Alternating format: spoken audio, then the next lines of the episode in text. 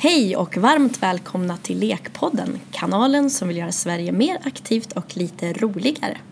Dagens tema är seniorträningens myter och sanningar. Och med oss för detta spännande samtal har vi Jakob Holst som är personlig tränare med fokus på seniorträning på Må bra hälsa.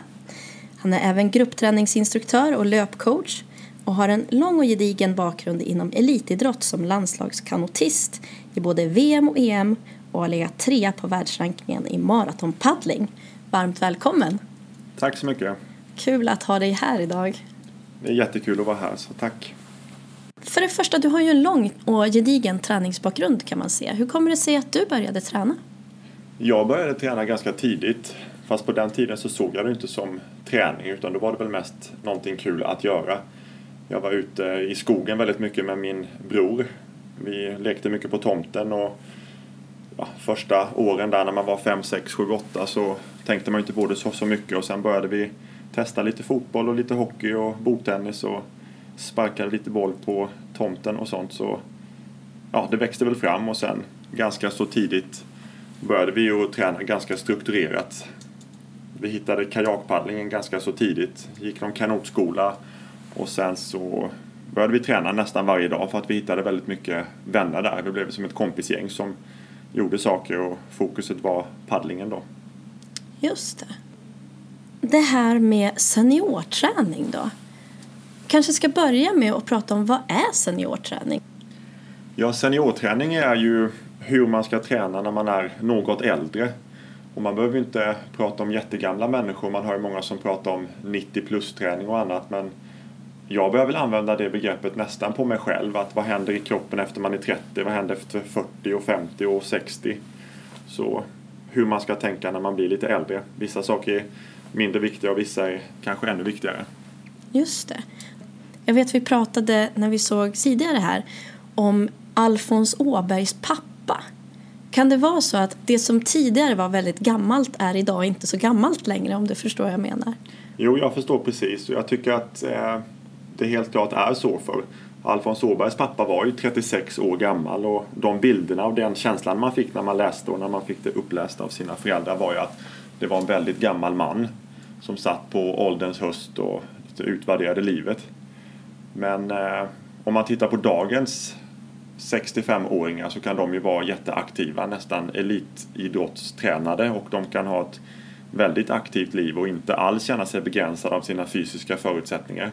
Så jag tror att det är en förändring på gång. Jag tror att man med hjälp av olika läkemedel och annat kan bli väldigt mycket äldre, så man blir ju äldre nu, nu för tiden. Men att man själv får bestämma hur man vill att de här sista åren ska vara. Så att man har ju goda förutsättningar att vara bra tränad fram tills man är 90.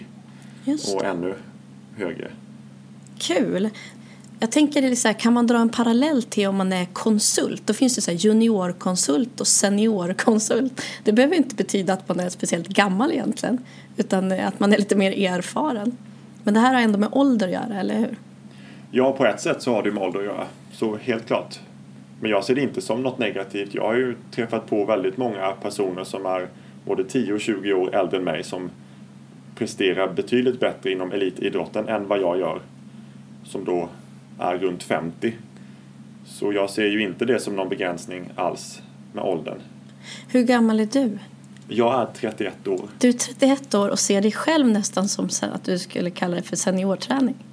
Ja, alltså jag har väl lite saker som jag tänker på extra mycket Herregud. Då är jag verkligen seniorträning. Vad, vad intressant. Jag ser mycket fram emot det här samtalet. Men hur kommer det sig att du började intressera dig för just seniorträning då? Jo, det började ganska tidigt när jag praktiserade på ett ålderdomshem på Ekliden utanför Karlskrona. Och då trivdes jag väldigt bra att sitta och ja, dels prata med de gamla, vara ute och springa med rullatorn ute i parken och ja, det var väldigt lätt jobb för jag kände att jag kom dit och det enda jag skulle göra det var att få dem att må bra. Och jag upplevde att de mådde bra när de fick vara lite mer aktiva.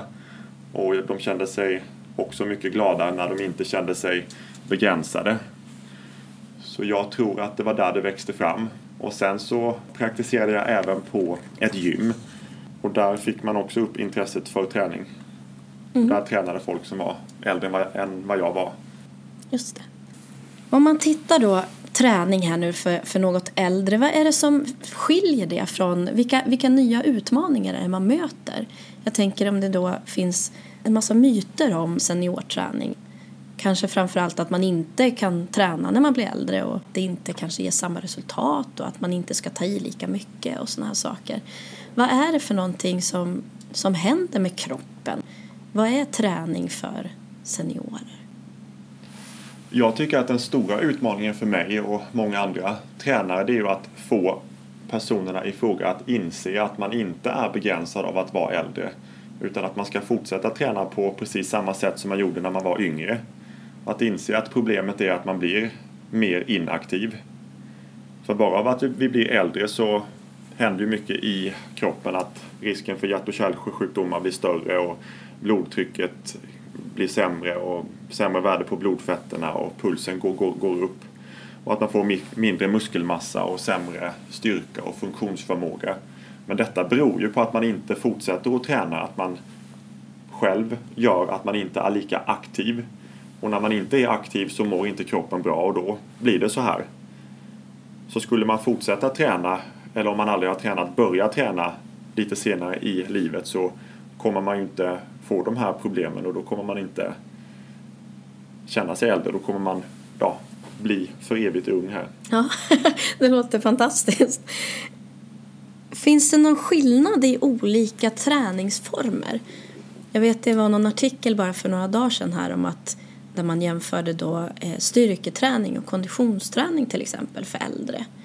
Jag tänker ju spontant en sån här sak att jag kanske inte som 90-åring vill jobba explosivt. Stämmer det? Eller eh, finns det några typer av träning som du skulle rekommendera mer än andra? Jag skulle faktiskt vilja belysa det här med att styrketräningens effekt är betydligt viktigare än vad man trodde tidigare. Man kan säga att efter man är 30-35 så börjar den explosiva muskelfibern bli sämre, att den börjar förtvina bort. Som jag nämnde tidigare, att det är att man inte använder den.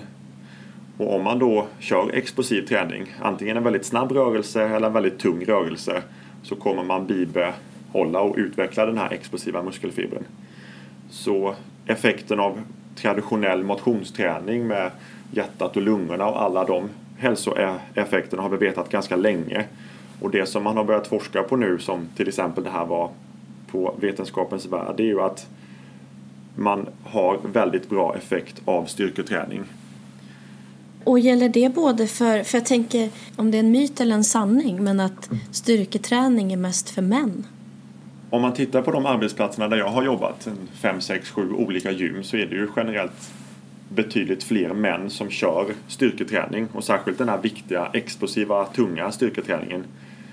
Men om man tittar gen genetiskt så har ju kvinnor normalt sett lite svårare att bygga muskelmassa så jag skulle vilja se att det var tvärtom, att det, kvinnorna fokuserade lite extra på det. Och många killar som borde fokusera ännu mer på förbränningsträning och rörlighetsträning. Så det är också någonting som jag tycker är väldigt viktigt att kvinnor blir upplysta om att den tunga styrketräningen är väldigt nyttig. Mm. Om man tittar nu då, i dagens tema, vi pratar om myter med eh, seniorträning.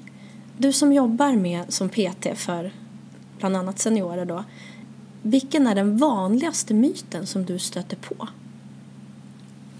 Jag skulle säga att det är att det personen i fråga säger att det är ingenting för mig att jag som äldre vågar inte ta i. Min läkare har rekommenderat mig att ta det lugnt. Så det skulle jag säga är den största myten att man inte vågar ta i. Man har en förutfattad mening att man tror att styrketräning är någonting man ska hålla på med när man är yngre. Men du menar att det, man ska ta i helt enkelt? Ja, verkligen. Jag tycker att man ska ta i jättemycket. Ja. Sen ska man ju verkligen ha respekt för de som inte har tränat förut. Att de tycker att det känns lite svårt och kanske lite obehagligt att göra den här träningen. Så jag brukar alltid rekommendera 16-20 veckor introfas. Så givetvis så kan man inte slå världsrekord i marklyft första gången. Det blir en viss skaderisk och sånt också men man ska lära sig först och sen så ska man jobba så, så tungt man bara kan. Mm. Så forskningen visar på att även när man är upp mot 90 år så ska man köra 4-5 upprepningar på 80% av sin maxstyrka. Alltså att man ska köra väldigt tungt. Just det. Finns det några bra exempel på äldre som jobbar explosivt och får resultat? Jag träffar ju väldigt många varje dag. Givetvis när jag jobbar som personlig tränare och har upplyst folk att om du tränar på detta viset så kommer du må bättre. Som en kvinna som jag tränade igår till exempel som eh, är jätteglad att hon återigen kan vara med på sin mans segelbåtsbesättning. Att de kan vara med och tävla Lidingö runt och de kan köra sådana saker. Sen har vi en kille som jag tycker väldigt mycket om som heter Göte som var i tidningen för två, tre år sedan. Som eh, hade som vision att slå världsrekord i bänkpress. Okay. Så han tävlade då i 90-årsklassen och hade som vision att ta 90 kilo. Och wow. han tog, jag tror att han tog 87 och ett halvt. Vilket är nästan lika mycket som jag väger så att det är ju väldigt fantastiskt. Och han var då över 90 år. Det är ju häftigt.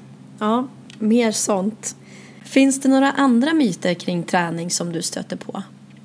Ja, det finns ju ganska mycket. Jag skulle kunna ta ett exempel om en kille eller en man, han var väl 60 plus, som hade som stor eh, passion i livet att han och hans kompis Peter skulle åka Vasaloppet. De hade åkt några gånger tidigare. Och han tränade med mig ett tiotal pass innan och vi hade lagt upp bästa träningsplaneringen. Han tyckte det var jättekul och det var en två, tre veckor kvar och vi hade kört några högintensiva intervaller. Och vi snackade vad de ska ha för valla och vad han bör tänka på innan loppet och vi testade lite olika sportdrycker och vi pratade om hur de skulle sova och sånt här dagen innan. Så tänkte jag, jag frågar en gång extra så. Om vi går igenom det en gång till nu, att du tränar väldigt högintensivt, sen tar du några vilodagar, två dagar innan så väcker du kroppen med ett ganska lågintensivt och lätt pass för att, väcka, för att väcka kroppen. Och jag vill inte att du ändrar kosten speciellt mycket utan jag vill att du äter mera, kanske lite mera kolhydrater än vad du är, är, är van vid. Och ja, det verkade gå in allting och allting var jättebra. Och sen så säger han, han själv att ja men vi kommer ju åka upp och vi kommer bo i Mora och vi kommer vara där två dagar innan och allt verkar jättebra. Och sen berättar han, ja men så äter vi mycket och sen går vi ut på, på kvällen och sen så, eh, sen så åker vi till loppet dagen efter. Och då tänker jag, jaha, vadå går ni ut och går innan där eller, eller vad menar du att ni går ut dagen innan? Ja, vi går ut på krogen där och vi dricker lite vin och vi kör så. Och då tänker man direkt att, ja men, så du är alltså ute och dricker alkohol och festar dagen innan du ska åka Vasaloppet som är 9 mil och du är 65 år gammal. Och då säger, eller då säger den här mannen att Ja men eh, ett glas eh, rött är ju väldigt eh, nyttigt så att det är väl bra att dricka vin dagen innan. Så det är ju en myt som man ofta hör att det ska vara nyttigt att dricka alkohol. Som jag inte riktigt håller med om, att man ska inte festa till dagen innan Vasaloppet. Intressant. Ja, så att det, det, även med seniorträning så finns det flera delar. Alltså det är både träningen och sömnen och kosten egentligen som bör lira tillsammans för att uppnå de bästa hälsoeffekterna. Ja, precis. Om man vill gå ner i vikt till exempel så har man i alla fall alltid i min värld pratat om att då ska man hålla på med lågintensiv träning. Är det en myt eller en sanning? Jag skulle säga att det är en myt jag kan förstå tänket. För om man räknar kaloriförbrukningen och fettförbränningen. Så när man jobbar lågintensivt och man tar en väldigt lång promenad så bränner man framförallt väldigt mycket fett. Om man springer väldigt snabbt eller om man kör någon annan högintensiv träningsform så bränner man mer eller störstadels kolhydrater. Men den totala förbränningen blir mycket, mycket större när man kör högintensivt. Så om man kör högintensivt så bränner man mycket, mycket mera fett än om man kör lågintensivt. Men man bränner också kolhydrater. Alltså den stora kaloriförbrukningen blir större. Det är helt fascinerande för det där tror jag verkligen är en, en inhamrad myt som en sanning. Ja, Att... verkligen. Ja, det stöter jag på dagligen. Sen kan det också vara bra för de som har kört väldigt mycket lågintensiv träning tidigare. Har vant sig vid rörelsemönstret. De har kanske ett bra promenadsteg och de är vana att röra sig i skogen eller de är bra på att sitta på träningscykeln.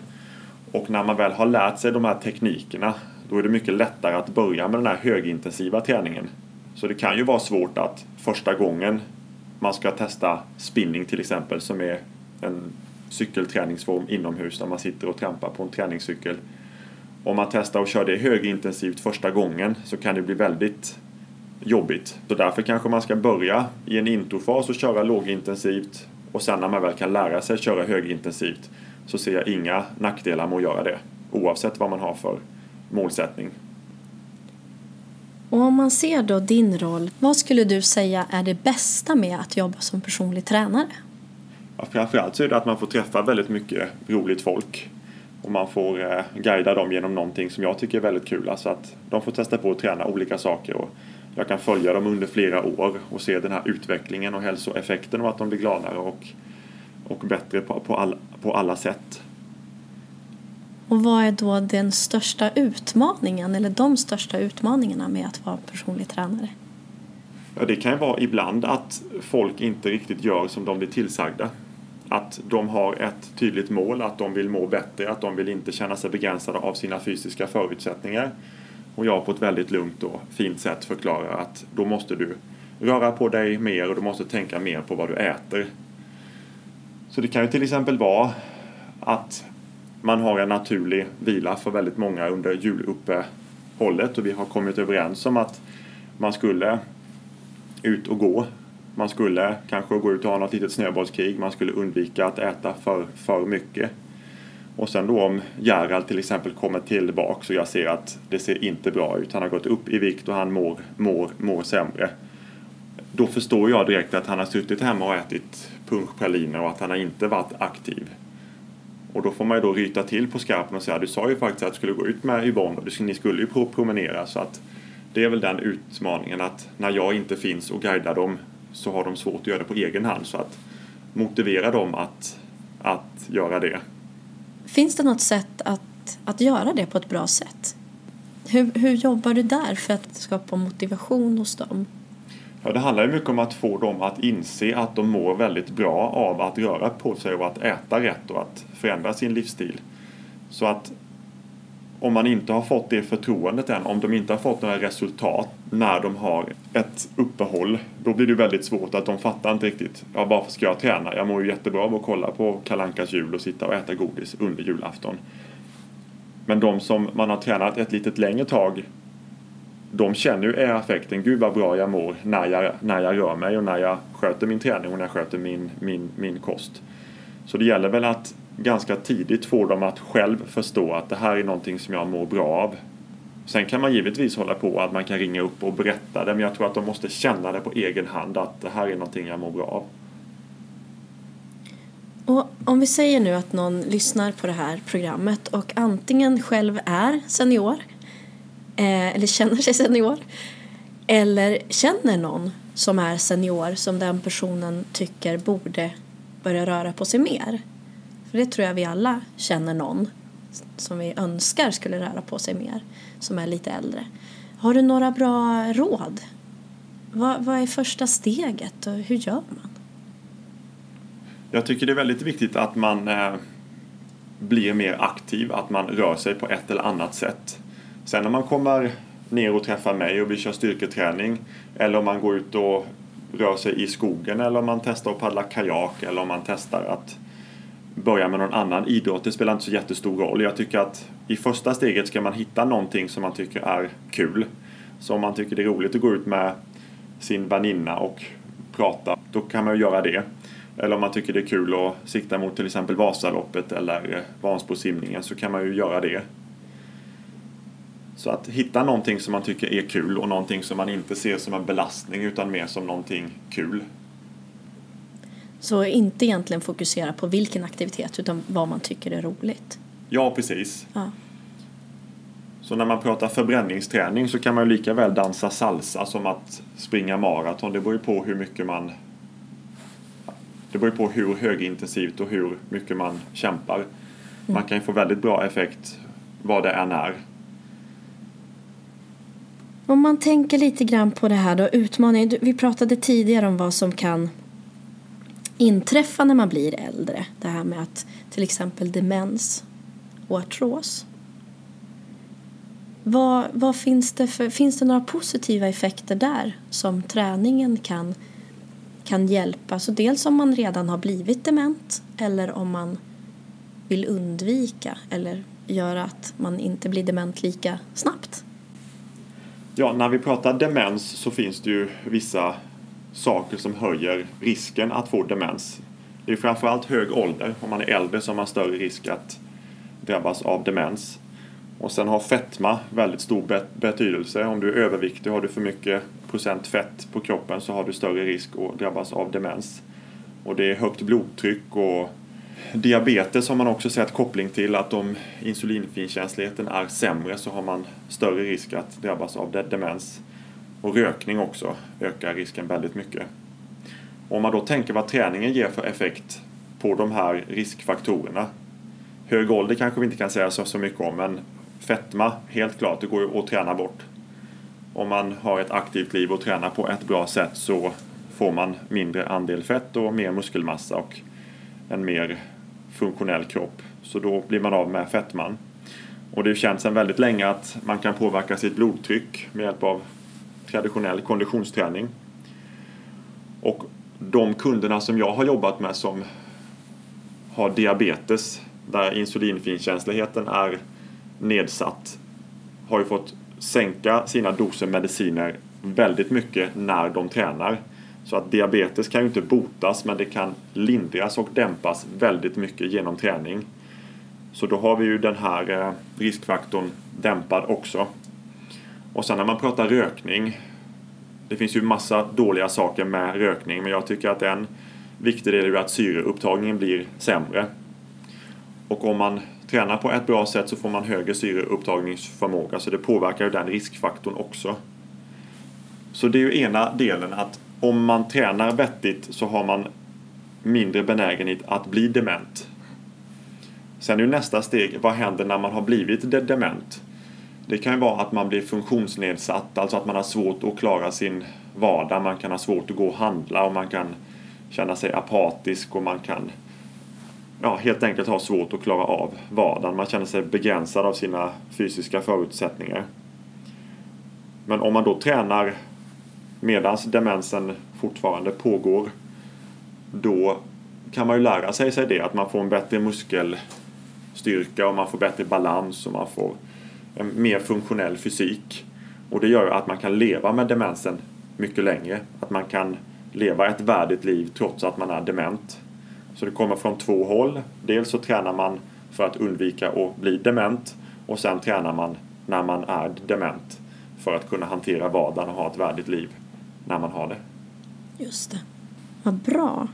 När vi pratar de som redan är dementa till exempel då tänker jag direkt som med all träning så är det ju lättare att nå ut till de som redan är aktiva eller befinner sig i en miljö eller ett sammanhang där det finns andra aktiva.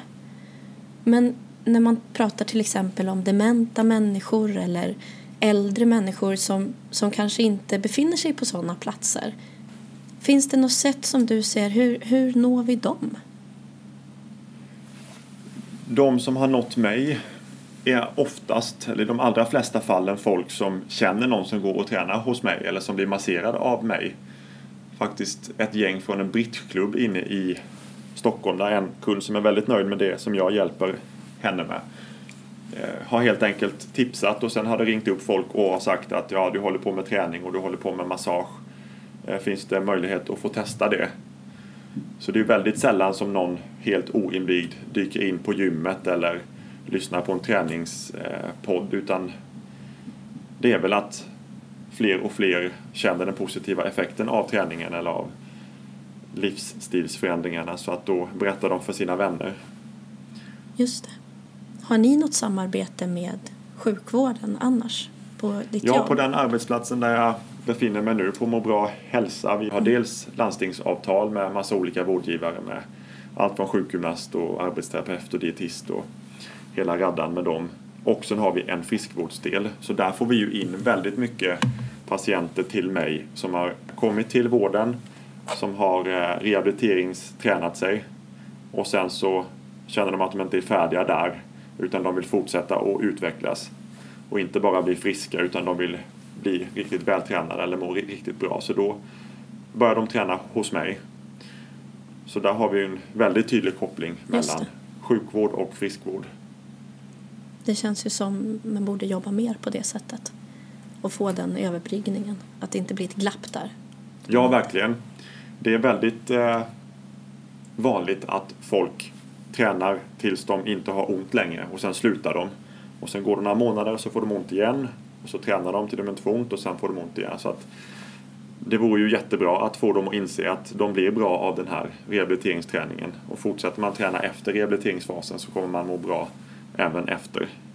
Det finns väl någon sån här trappa med att man är sjuk, osjuk, ofrisk, frisk och hälsosam.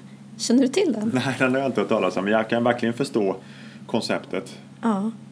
ja så det, det, det är en glidande skala det där när man, hur hälsosam man vill vara. Ja, verkligen. Att vissa kanske definierar det som att ja, men jag är inte sjuk, då är jag frisk. Medan andra ser det som att jo, men jag är frisk men jag vill må toppen. Mm, verkligen. Nej, det vore ju intressant för någon som är i mina ögon sett otränad att få kliva in i en vältränad persons kropp och leva en dag när man kan springa och hoppa och känna det här lyckoruset som det är att vara vältränad. Och nu menar jag inte alls att man tittar sig själv i spegeln och tycker att man känner sig vältränad rent estetiskt utan just hur glad man faktiskt är, hur positiv känslan är i kroppen när man eh, tränar. Om man är senior så vill man få till en så bra livskvalitet som möjligt. Vad ska man göra då? Jo, det är väldigt simpelt. Man ska äta nyttigt, man ska undvika för mycket socker, äta lite mer grönsaker, de här vanliga tipsen. Man ska äta lite högre andel protein än vad man kanske är van vid, öka det 15-20 procent. Man ska befinna sig ute så att man får mycket D-vitamin. Man ska träna lågintensiv träning, alltså man ska köra motionsträning två gånger i, i veckan. Och man ska köra explosiv styrketräning två gånger i veckan. Och man ska försöka ha så kul som möjligt och gärna göra det i kombination med andra människor. Så kost, träning och socialt. Bra. Tre saker, lätt att komma ihåg. Det gillar vi. Mm. Eh, jag tänker på en sak. Finns det några riktlinjer för hur ofta man ska träna som senior? Jag tycker väl att när man pratar styrketräning så bör man ha 48 timmar mellan passen.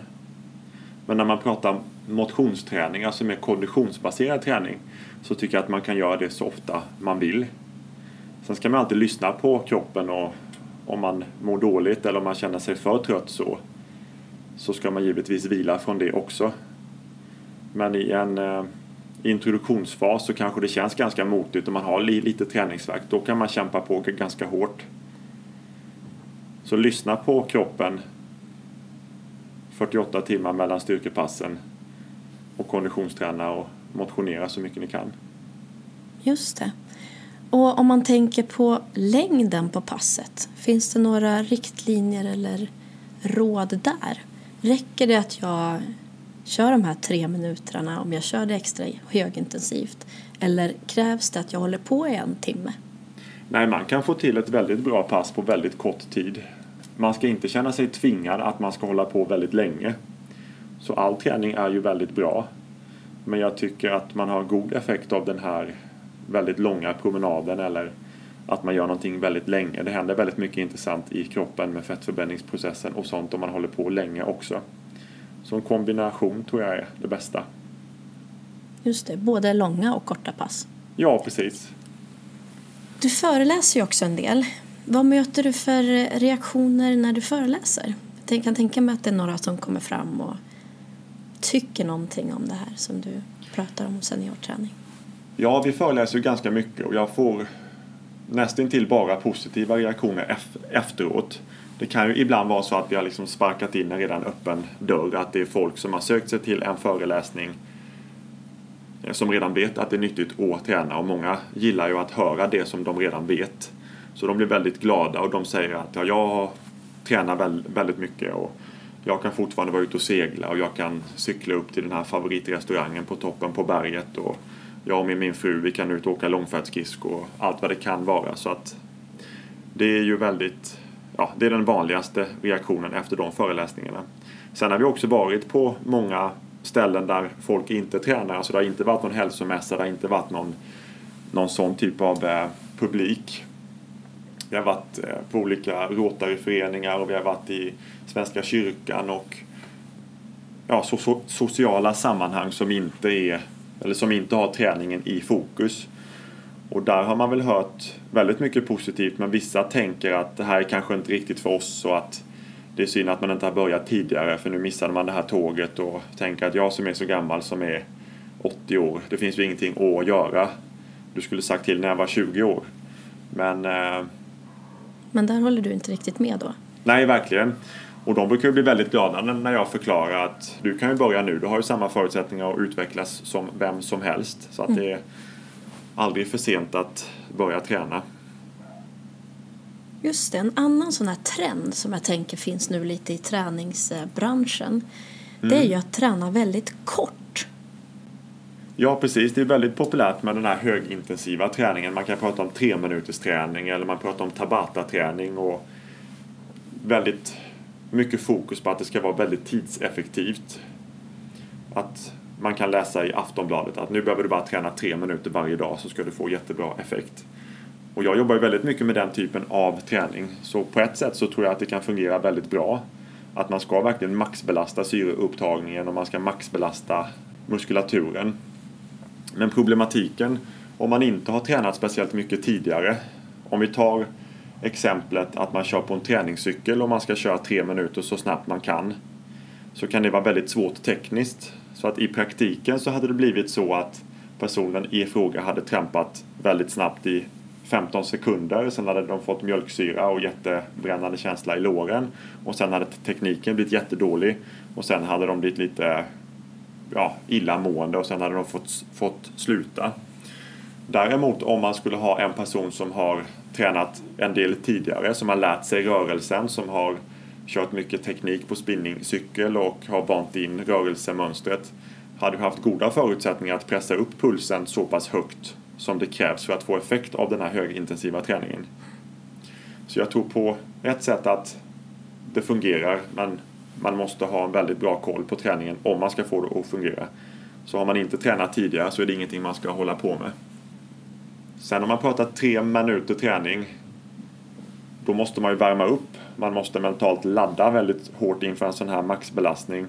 Och efter så måste man varva ner och jag brukar alltid rekommendera att man ska köra lite rörlighetsträning eller stretching efteråt. Och har man kört så högintensivt så kanske man vill byta om och sånt efter så att de här tre minuterna blir kanske 30 minuter. Men det kan ändå vara någonting för en senior om det är så att man är van vid en viss rörelse. Så skulle man även som senior kunna jobba på det här sättet? Ja, absolut. Vi jobbar mycket med det här Tabata-träningen som är väldigt populär som är en tror det är från början en japansk träningsform där man splittar upp intervaller i 20 sekunder väldigt högintensivt, 10 sekunders vila, 20 sekunder högintensivt, 10 vila och så vidare. Så håller man på så i fyra minuter och sen tar man lite längre vila och sen kan, vi, kan man repetera det igen. Och det finns ju lite olika träningsformer man kan utföra de här intervallerna på. Och vi har valt en ganska så snäll variant och om man vill köra något tuffare så kan man köra burpees eller upphopp eller något sånt som vissa seniorer tycker är svårt så då väljer de någon lite lättare variant. Och det har ju seniorer fått väldigt bra effekt av. Om de har kört sina promenader och den lågintensiva träningen under ett visst tag eller under ganska lång tid tidigare så får de en väldigt bra effekt av den här högintensiva träningen. Så helt klart är det någonting för äldre. Men man bör veta vad man håller på med för att undvika skador tycker jag. Om vi är inne på skador då. För det är ju en sån där tanke. Jag tänker om man är äldre och aldrig har tränat och så vill man inte skada sig. Ja, det blir ju väldigt hög skaderisk om man ska testa på någonting man aldrig har gjort förut. Så jag brukar alltid rekommendera att man tar hjälp och att man eh, börjar realistiskt. Så att man inte försöker göra en frivändning med massa kilo på första gången.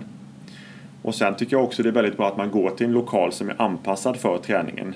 Det kan vara jättebra att man har träningen tillgänglig hemma men det är väl bättre att gå till, tycker jag då, om man ska hålla på med styrketräning, att man befinner sig på en, en lokal som är anpassad med det, med bra luft och eh, bra golv och att, att utrustningen är anpassad så att den är ergonomisk så att, att man får rätt sittställning och allt sånt. Däremot har man tränat väldigt länge tidigare då kan man säkert få till ett kanonbra pass på egen hand hemma. Att man gör chins i, något, i någon dörrkarm någonstans. Men jag tror att det krävs väldigt mycket träning så jag tror att det är det första steget, att ta sig till en lokal som är anpassad för träning eller till en plats som är anpassad för, för träning. Och sen att man är väldigt försiktig med eh, vikterna om man då ska använda det. Och sen att man är noga med att värma upp och teknik och allt sånt. Alltså det är bra att du säger det där med vikter. Jag kommer ihåg själv, jag brukar inte köra bänkpress. Och så skulle jag lämna in ett test där jag skulle maxa i bänk. Och jag var lite sen på att lämna in det här testet så jag, jag tänkte jag gör det sista dagen. För jag hade varit sjuk och så. Och då hade jag ingen aning om vad jag, vad jag tar i bänk. Men jag ville ju inte ta för lite eftersom jag skulle orka max en gång. Men jag lassade på lite för mycket kan man säga. Och den känslan var ganska obehaglig när man då tar för mycket vikt och blir mos under en, under en stång. Så att, eh, det kan vara bra att, att, ha med sig någon som har koll också. Ja, verkligen. Antingen så gör man ju så att man eh, tränar en lite enklare träningsform. Om man hugger det väldigt grovt så kan man säga att de flesta gymmen har två olika typer av, av träning. Vi har dels maskinträning där man sitter i en ganska ombonad maskin och man jobbar eh, utan fria vikter så att det blir direkt ingen skaderisk att man kan trilla eller få stången på sig. Fördelen med den träningen är ju att det är ganska så lätt att börja. Rörelsen blir ju rätt bara av att man sätter sig på ett bra sätt och, och tar i. Och sen har vi den fria vikt eh, baserade träningen där man jobbar med hantlar och skivstänger och kettlebells och annat. Då är det väldigt svårt att få till rörelsen för då måste du själv leda rörelsen och du måste bestämma vart vikterna ska gå. Och fördelen med det är ju att man får alla de här nyttiga balansmusklerna som är runt om i kroppen och man får bra bålstabilitet och allt sånt. Men det kan ju också vara så att skaderisken blir högre för att man kan ju trilla och man kan göra fel. Det kanske har att göra med vilken tyngd på vikterna då som du gick igenom innan att man inte maxar som jag gjorde då första gången jag gör en rörelse. Ja, verkligen. Nej, som sagt, jag vill återigen förstärka det att man ska inte köra tung styrketräning om man aldrig har testat det förut utan man ska börja med lätta vikter, bana in rörelsen och sen ju starkare man blir ju mer lägger man på så att man förbereder muskulaturen och leder och senor och allting för den här tunga träningen. Okej, okay, men jag gillar ju som sagt inte bänkpress. Men en annan sån här träningsform som jag spontant själv inte skulle förknippa med seniorträning men som jag är väldigt förtjust i är ju boxning. Är det någonting som man kan hålla på med som senior? Ja, verkligen. Det är ju en av de träningsformerna som jag kör med de allra flesta kunderna. Särskilt de äldre. Okay. Och det är väldigt många som tror att jag kan ju absolut inte boxas. Det ska man göra när man är yngre och det känns så farligt och så. Men när de väl börjar med det och känner den positiva effekten så tycker de det är jättekul och de fortsätter länge. Så jag tränar med många som är närmare 80 år som verkligen har snöat in på det här med boxningen. Så vi kör kanske 20 minuter varje gång som vi träffas. Vi sparras inte så de slår på varandra fysiskt i ansiktet och så men de kör ganska avancerade slagkombinationer. Så det är till och med så att när jag kommer till jobbet och jag ska träna det här paret så kan man se att de står och har värmt upp länge innan. De står och luftboxas.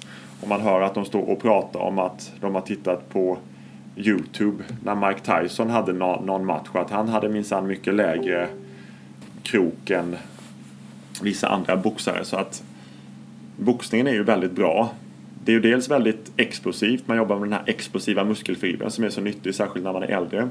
Sen är det fantastiskt bra konditionsträning. Pulsen går upp väldigt högt som vi har märkt när man kör med pulsmätare och annat. Sen blir det mycket koordination när man jobbar med olika varianter.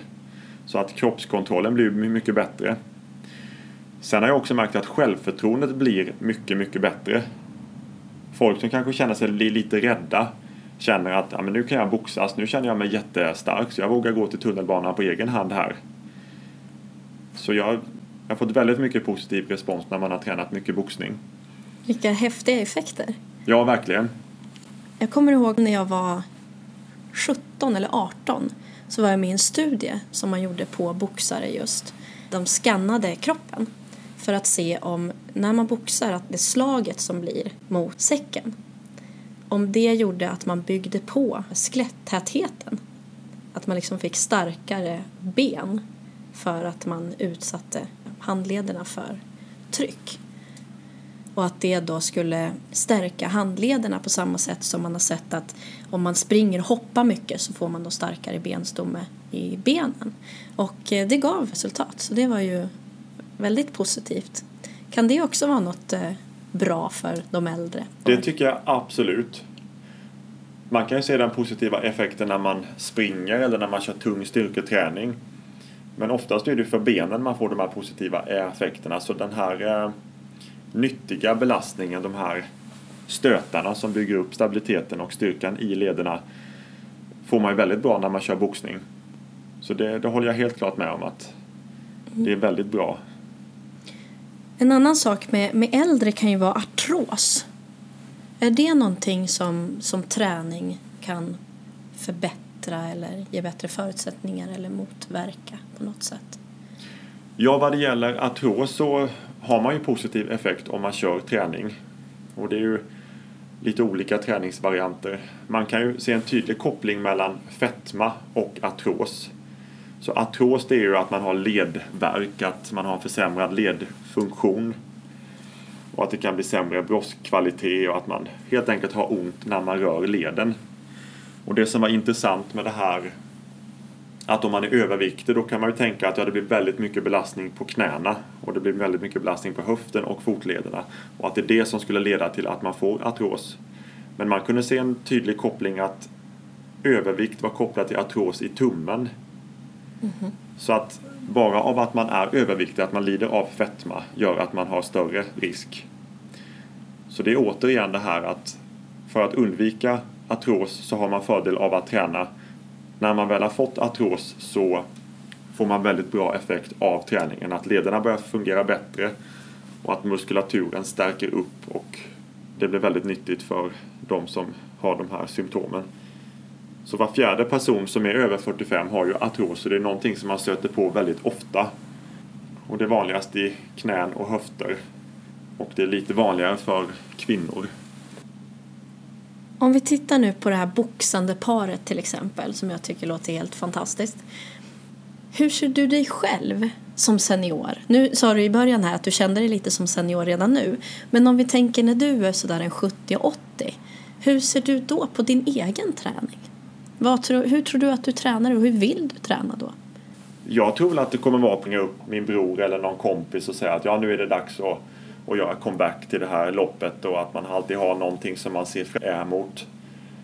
Och att man kan vara ute och cykla och man kan göra mycket roliga, roliga saker.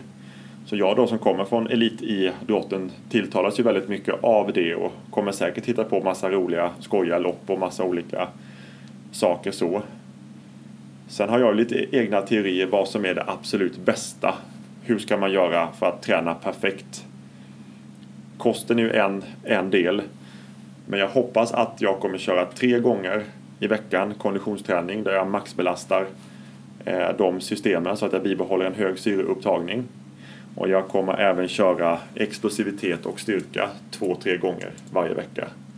Antingen traditionell styrketräning eller att man kör någon annan, någon explosiv variant. Kanske boxning eller kanske att man springer korta intervaller eller att man gör någonting sånt. Kanske att man fortsätter tävla lite grann i paddling, kör något senior-SM av något slag om man skulle tycka det var fortsatt kul. Det låter som en mycket härlig och aktiv tillvaro. Man kanske kan få hänga på. Ja, verkligen. Hur ser din egen träning ut idag? Hur mycket och vad tränar du? Jag skulle nog säga att jag tränar i princip sex dagar i veckan. Ett eller flera pass. Dels så får jag väldigt mycket träning med mina fantastiska kunder på gymmet när man håller spinningpass och tabatapass så brukar jag vara med och inspirationsköra, att jag visar hur man ska göra så då får man ju bra, bra träning där. Sen kör jag en del styrketräning och sen tävlar jag fortfarande ganska mycket. Ja, brukar ha lite olika nya saker varje år som jag testade sån här Ironman triathlon som var väldigt kul förra säsongen och även håller på med lite swimrun-varianter där man simmar och springer under väldigt lång tid. Och tränar nu inför någon ultramaratonpaddling där vi ska försöka köra 20 mil på ett, ett dygn. Och sen kör jag lite boxning och så. Jag tränar nästan aldrig ensam. Jag har alltid någon med mig. Så det kan ju variera. Om min bror ringer på morgonen och säger att han har tid att ses och simma eller något sånt då gör, gör, gör jag det. Så ingen direkt strikt träningsplanering utan jag tränar så fort jag har tid och när jag tycker det är kul.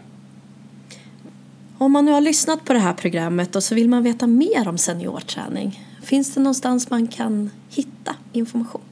Ja, det har kommit väldigt mycket intressant forskning som man kan läsa om i böcker och man kan googla på internet. Och skulle man vilja veta mer av mig så kan man alltid komma förbi så kan jag bjuda på kaffe eller så kan man ringa så kan vi prata om det. För det här är någonting som jag tycker är väldigt kul så det, det är bara att höra av sig så eh, kan jag gärna hjälpa till med det.